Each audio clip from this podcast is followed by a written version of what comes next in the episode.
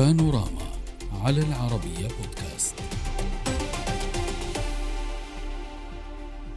بين سوريا وتركيا خريطة طريق روسية. قد تنجح في إعادة قطيعة سنوات طويلة وفي حل خلافات جذرية كبيرة.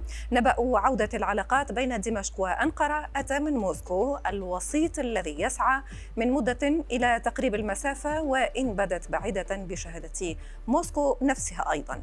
نائب وزير الخارجية ميخائيل بوغدانوف صرح بأن مسودة خريطة الطريق للتطبيع بين سوريا وتركيا التي وضعتها بلاده. باتت جاهزة وأن المهام الآن تكمن في مناقشة المسودة والمضي قدما فيها كما قال. خاصة خلال اجتماع وبوزراء خارجية روسيا وسوريا وتركيا وإيران والذي سيعقد بعد أسبوع في أستانا. في المقابل وفي تصريحات إعلامية كشف مبعوث الرئيس الروسي الخاص إلى سوريا ألكسندر يافيموف أن مواقف البلدين بعيدة عن بعضها البعض لافتا إلى صعوبة استعادة ما دمر على مدار 12 عاما خلال أسابيع أو خلال أشهر. ووفق حديث السفير الروسي فالأمور ليست سيئة بمجملها على اعتبار ما تحقق على مسار تطبيع العلاقات السورية العربية. كذلك في موضوع آخر كان عبر المبعوث الأممي أو المبعوث الروسي عن اعتقاده بأن تكون إعادة العلاقات وانتخاب أردوغان لفترة رئاسية جديدة عاملا إيجابيا في هذا السياق.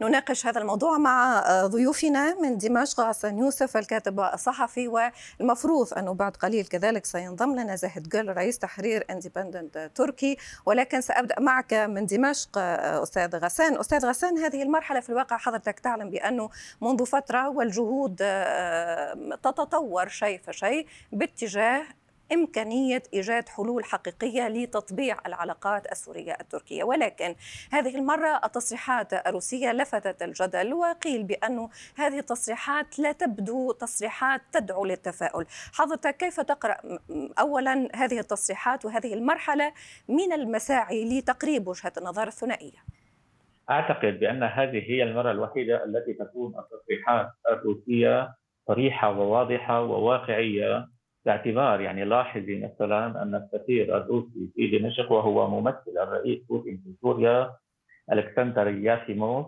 آه، كيف قال بأن يعني هناك 12 سنة هناك 12 سنة آه، من القطيعة بين البلدين وتحتاج إلى يعني العمل الكثير آه، للوصول إلى تفاهمات. أيضا يعني لاحظنا بأن بوغدانوف قال يعني بعد يافيموف قال بأن الوثيقة أصبحت جاهزة وأنها ستعرض على آه، مجموعة أتيكانا في الحادي والعشرين من الشهر الحالي آه، إذا نحن اليوم أمام أصبحنا أمام ورق يعني أمام بنود متفق عليها في مسودة وهذه البنود إذا لاحظت أكدت نعم. على وحدة الأراضي السورية وأيضا على سيطرة سوريا على كافة أراضيها وعلى يعني محاربة الإرهاب وعلى المسار الاقتصادي وعودة اللاجئين وغير ذلك ولذلك أعتقد بأننا اليوم دخلنا إلى المرحلة الجدية مرحلة التفاوض الحقيقي بين البلدين برعاية روسية وحضور إيراني. ولذلك آه، أنا أنا أقول لك يعني هناك تفاؤل ولكن هذا التفاؤل حذر. لماذا؟ لأنه يعود إلى النوايا آه، التركية. صحيح. آه، آه، أنت تقول النوايا التركية ولكن في المقابل تركيا تقول النوايا السورية. واسمح لي بما أنه ضيفنا غير حاضر معنا أن أكون في نقل لوجهة النظر المقابلة. تسمح لي بذلك أستاذ غسان؟ يعني أنقل لك نحاول أن نتجادل بخصوص هذا الموضوع. طيب سوريا لديها فرصة. كان هناك آه، آه، خطوة أولى آه، وهو عودتها إلى جامعة الدول العربية والآن هناك محاولة ثانية من تركيا وتركيا تتحدث عن تصفير المشاكل ومدت يدها إلى سوريا لمحاولة تذليل العقبات على الأقل ولكن سوريا تتعنت تتعنت لماذا؟ لماذا تصعب المهمة على تركيا؟ السؤال لي أم لي أه، لك لك بما أنك أنت الضيف الوحيد في هذه آه المرحلة تمام. وأنا وأنا آه أعتبرني الضيف المقابل. يعني أه، تمام. أنا الضيف تفضل تفضل. ولا يهمك.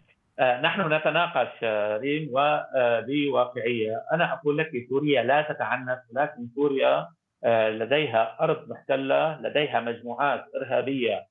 موجودة ومصنفة على قوائم الإرهاب الدولي لديها مقاتلين أجانب دخلوا من تركيا وهم موجودون في الأراضي السوريه آه، أيضا لديها مجموعات راديكالية كانت في آه، داعش ويعني أصبحت اليوم فيما يسمى الجيش الوطني. وأيضا هناك عمليات تغيير ديموغرافي تجري على الأرض السورية وأيضا عمليات استيطان طيب ولكن ولكن حضرتك ما تسميه محاولة تغيير ديموغرافي؟ تركيا تسميه محاولة الحفاظ على الأمن القومي. تركيا كذلك من مصلحتها أن تحافظ على أمنها كما تقول تصريحات تركيا الرسمية بأن تدافع على حدودها وهي تقول بأن هذه المنطقة هي منطقة أنا أؤمنها وأحاول أن آه، على الأقل أحافظ على سلامة المواطنين من الجهة التركية آه، إلى حين وجود حلول جذرية.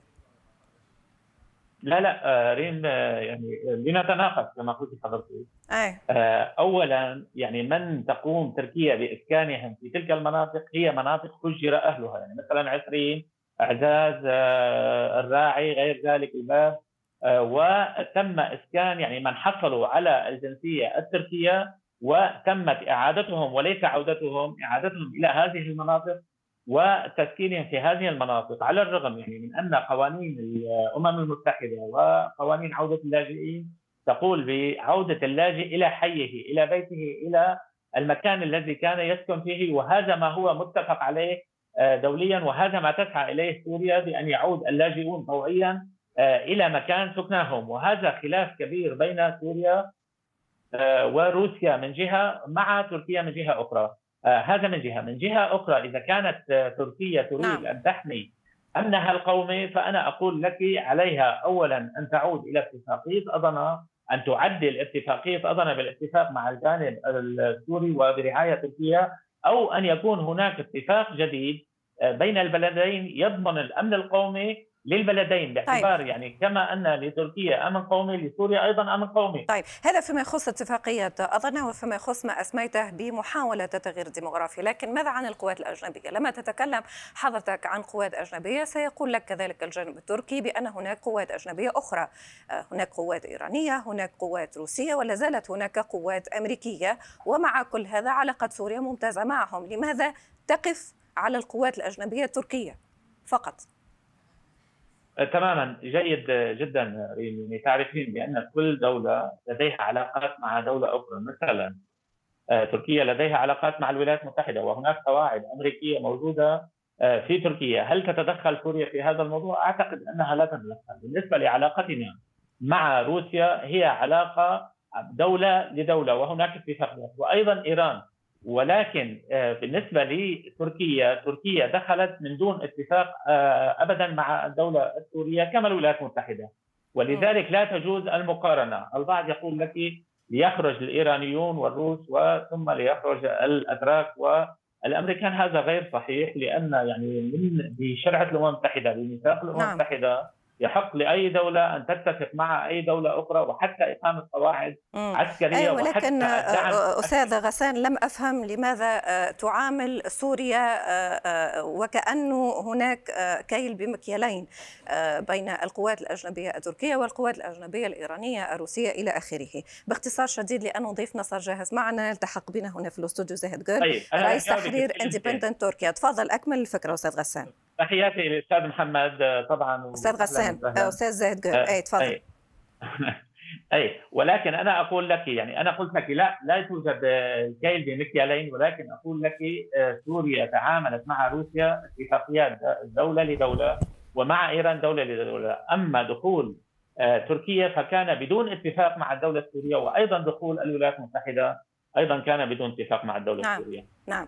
طيب آه، أستاذ زاهد حاولت أن أدافع عن وجهة النظر التركية بما أنه حضرتك تاخرت علينا قليل. لا إذا تأخرت حضرتك كذلك أدافع عن وجهة النظر السورية إلى أن آه، كان يتحدى ضيفي ويقول بأنه المخطئ أو على الأقل من لا يدفع في مسار تقارب حقيقي سوري تركي هو الجانب التركي. لأنه محتل اولا الأراضي السورية وهذا فعل قائم واقع ولأن كذلك هناك قوات أجنبية على الداخل أو في الداخل السوري. كيف يمكن أن ترد على مثل هكذا تصريحات؟ يعني أعتقد أن المشهد ابتداء ليس التركي فقط السوري بل المشهد الإقليمي أيضا. أصبح فيه اختلافات جذرية وجوهرية في إطار النظر للمسألة السورية اولا وللمسائل الأخرى المتعلقة بالمسألة السورية أو بمسائل المنطقة ثانيا. وبالتالي أعتقد أن المقاربات التركية وغير التركية حقيقة تجاه المسألة السورية أعتقد أنها آه، أصبحت مقاربات مختلفة عن سابق عهدها بمعنى أننا آه، في الوقت الراهن لا يمكننا فقط الحديث عن وجود قوات أجنبية لا يمكننا الحديث فقط عن بعض المشكلات هنا وهناك. المقاربة أعتقد أن التركيه آه، ابتداء وانتهاء تركيا إذا كانت موجودة بعد أيام مع وزراء الخارجية الأربعة في الاسيتانا في في ال 21 من الشهر آه، الحالي. آه، فالمقاربة التركية ستكون من أجل إيجاد الحل.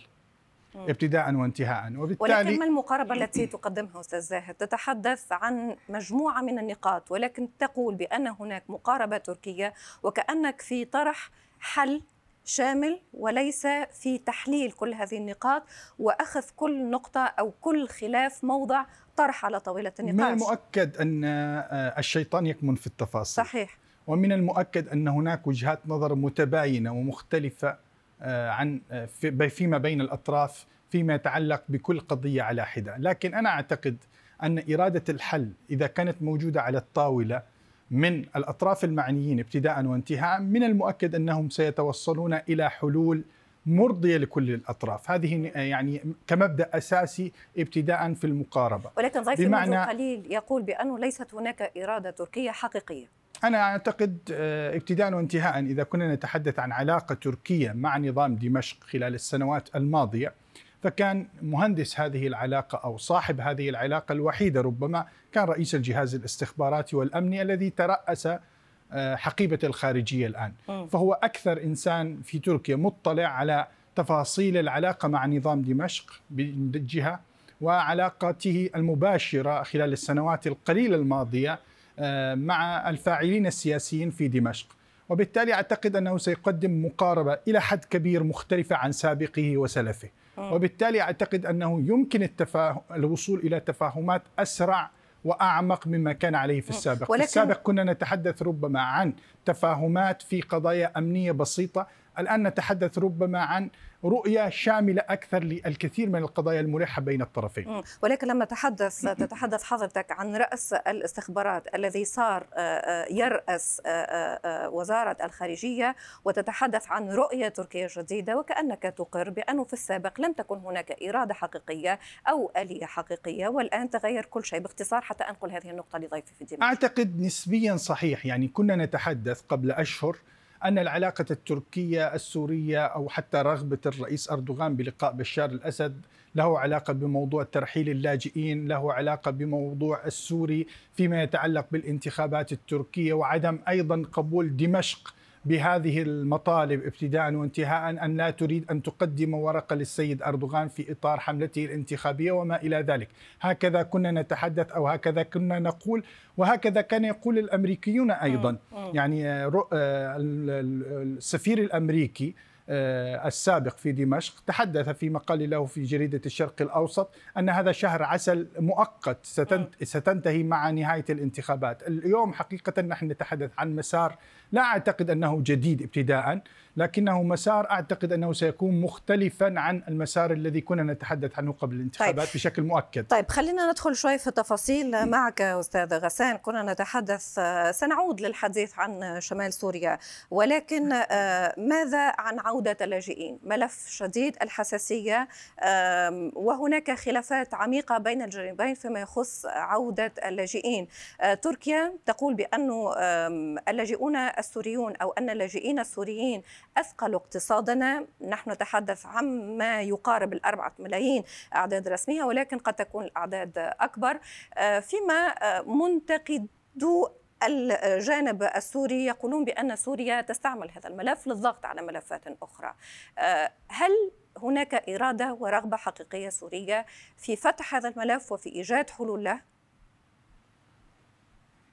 يعني بداية أنا سأذكر كريم بما قاله الرئيس التركي رجب طيب أردوغان يعني في الحملة الانتخابية أو بعد الحملة الانتخابية مباشرة إلى قناة سي أن أن الأمريكية عندما قال نحن نريد عودة طوعية للاجئين ولكن هناك بعض اللاجئين الذين نحتاجهم في الأعمال وفي الزراعة والصناعة وغير ذلك.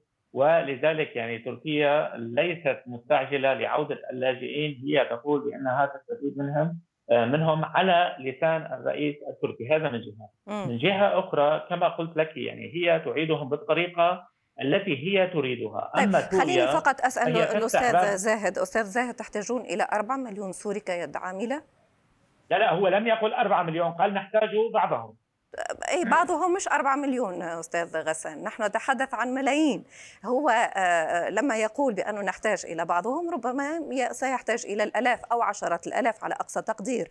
آه، لما يتحدث عن أنه سيمكنهم من العودة اي ولكن أستاذ غسان لما يقول بأنه سنمكنهم من العودة بطريقة اختيارية يعني لن نطردهم لن نقوم بطردهم. ولكن الموضوع يثقل اقتصاد تركيا. يعني من المؤكد أن هناك مقاربة أيضا جديدة في هذا الموضوع. يعني لأول مرة موضوع عودة اللاجئين وموضوع اللاجئين السوريين لأول مرة كان في الاجتماع الأول لمجلس الأمن القومي التركي وفي بيانه الأول في قبل أسبوع آه تم الحديث عن آه عودة أو ضرورة إعادة اللاجئين عودة طوعية خلال الفترة القادمة. وبالتالي هناك أيضا مقاربة سياسية وأمنية دعني أقول جديدة في حكومة السيد أردوغان الجديدة تتحدث بشكل واضح وصريح لأول مرة وتم طرح هذا الموضوع في مجلس الأمن القومي التركي الذي هو يعتبر أهم مجلس لاتخاذ القرارات السياسية والاستراتيجية بمعنى أن الكثير من القوانين والكثير من التوصيات الأمنية والإدارية ستأتي بناء على هذا القرار الذي واضح. تم اتخاذه وبالتالي من المؤكد أن هناك سيكون تسارع حقيقه في إطار مقاربة عودة اللاجئين السوريين إلى هذا المواطن هذا هذا موقف تركيا أستاذ نعم. ولكن هل تركيا أو في تركيا. هناك إحساس بأن سوريا تعول على هذا الملف بأن سوريا ترغب فعليا في عودة اللاجئين؟ شخصيا أنا لا أعتقد أن هناك رغبة سورية ابتداء دعنا نقول نقول هذا الكلام بوضوح. لكن تركيا حقيقة من خلال شركائها الدوليين والإقليميين لا شك أنها ستسعى إلى إيجاد الوسائل والسبل التي تضمن عودة اللاجئين إلى داخل الأراضي السورية بمعنى أنها ستؤمن لهم. يعني كما يقول دمشق. خلينا نسمي الأمور بمسمياتها أستاذ زاهد. لما تقول بأنه لا أشعر بأن هناك رغبة سورية وفيما بعد تتحدث عن أنه يمكن إيجاد ضمانات وكأنك تقول يمكن إيجاد ملفات للضغط على دمشق لمحاولة آه، آه، طرح حلول لعودة اللاجئين المسألة لا تتعلق بضغط على دمشق بقدر ما يتعلق أيضا أن اللاجئ السوري يعني دعنا نتحدث بواقعية. غالبية اللاجئين ليسوا معارضة سياسية بالمفهوم التقليدي وليسوا معارضين سياسيين وك ولأنه أو, أو لم يخرجوا بالضرورة آه، لأنهم معارضين سياسيين. هم خرجوا غالبيتهم العظمى لأنهم لم يجدوا الأمان الكافي ولم يجدوا أيضا وسائل الاعاشه الكافية في هذه المنطقة. لظروف اقتصادية ولظروف الحرب.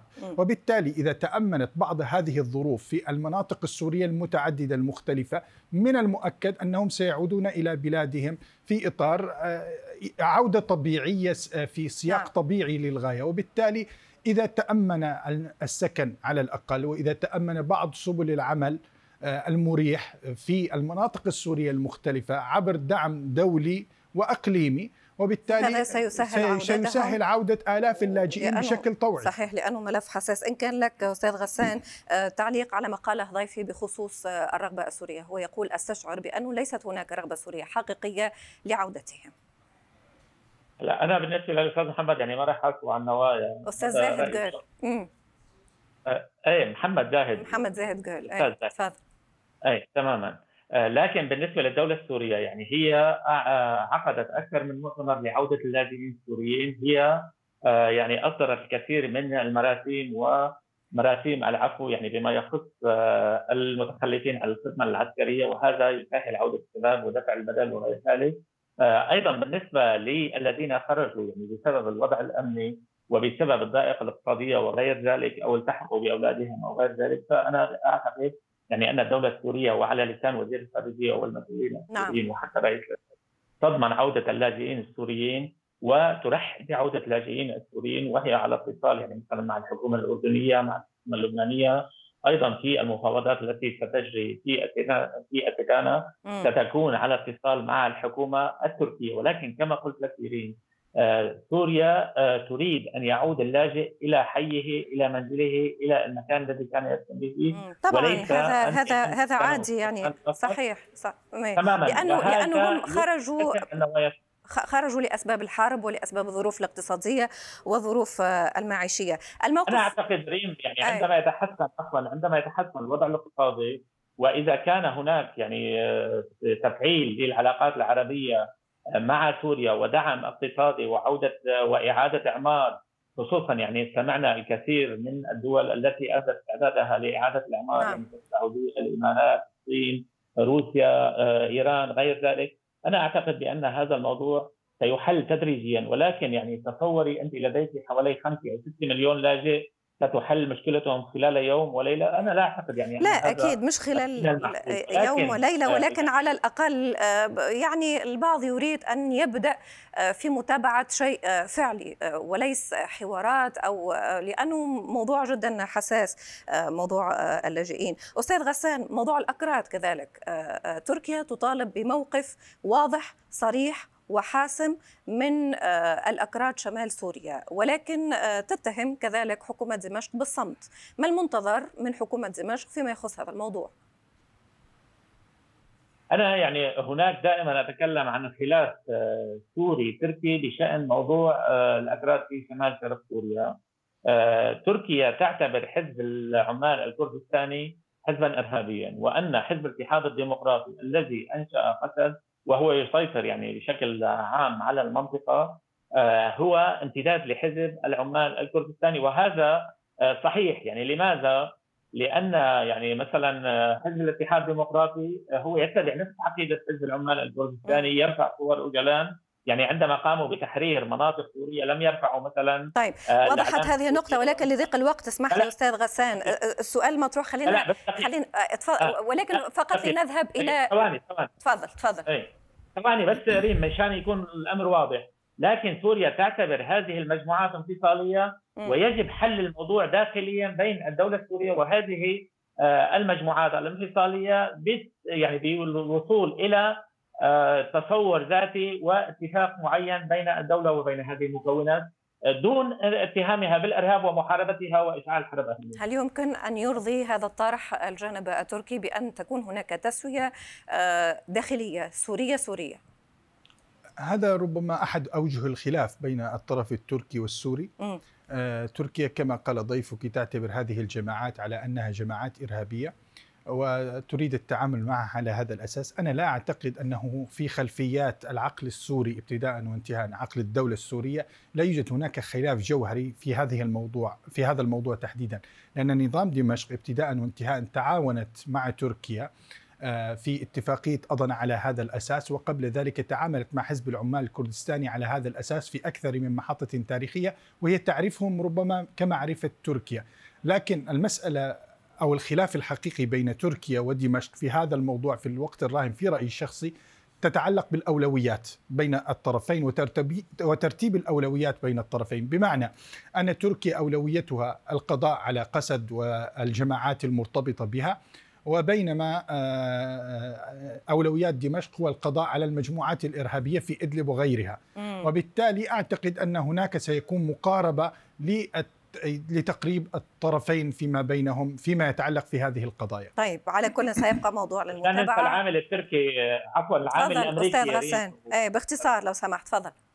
أي لا يمكن يعني إغفال العامل الأمريكي الذي هو الذي يقوم بدعم فساد هو الذي يقوم بتقويه هذه المجموعات لتهديد أمن الدولتين السورية والتركية ويتخذ من هذه المجموعات يعني منصة ل آه، يعني آه، تفتيت الدولتين وهذا أنا أقوله وأنا مقتنع به نعم. ولتخريب الأمن القومي لسوريا وتركيا. طيب في كل الحالات نحن سنقف في انتظار اجتماع أستانا لنفهم كيف ستكون الأمور أو ما الاتجاهات التي ستتخذها تتخذها هذه الحلول. أود شكركم الجزيل الشكر هنا في الاستوديو زاهد جول رئيس تحرير اندبندنت تركيا شكرا جزيلا على الحضور والمشاركة ومن دمشق غسان يوسف الكاتب الصحفي شكرا Của.